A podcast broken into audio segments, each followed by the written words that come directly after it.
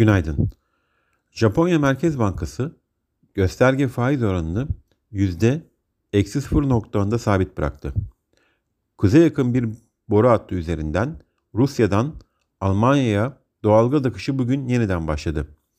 İtalya'da Başbakan Mario Draghi dün parlamentoda düzenlenen güven oylamasını kazanmasına rağmen bugün Cumhurbaşkanı Mattarella'ya bir kez daha istifasını sunacak. Sağlık Bakanlığı Türkiye'de 11-17 Temmuz haftasında 226.532 kişinin COVID-19 testinin pozitif çıktığını açıkladı. Bugün Türkiye Cumhuriyeti Merkez Bankası Para Politikası Kurulu toplantısı kararı saat 14'te açıklanacak. Yurt dışında Avrupa Merkez Bankası toplantısı ve sonrasında gerçekleşecek basın toplantısı takip edilecek.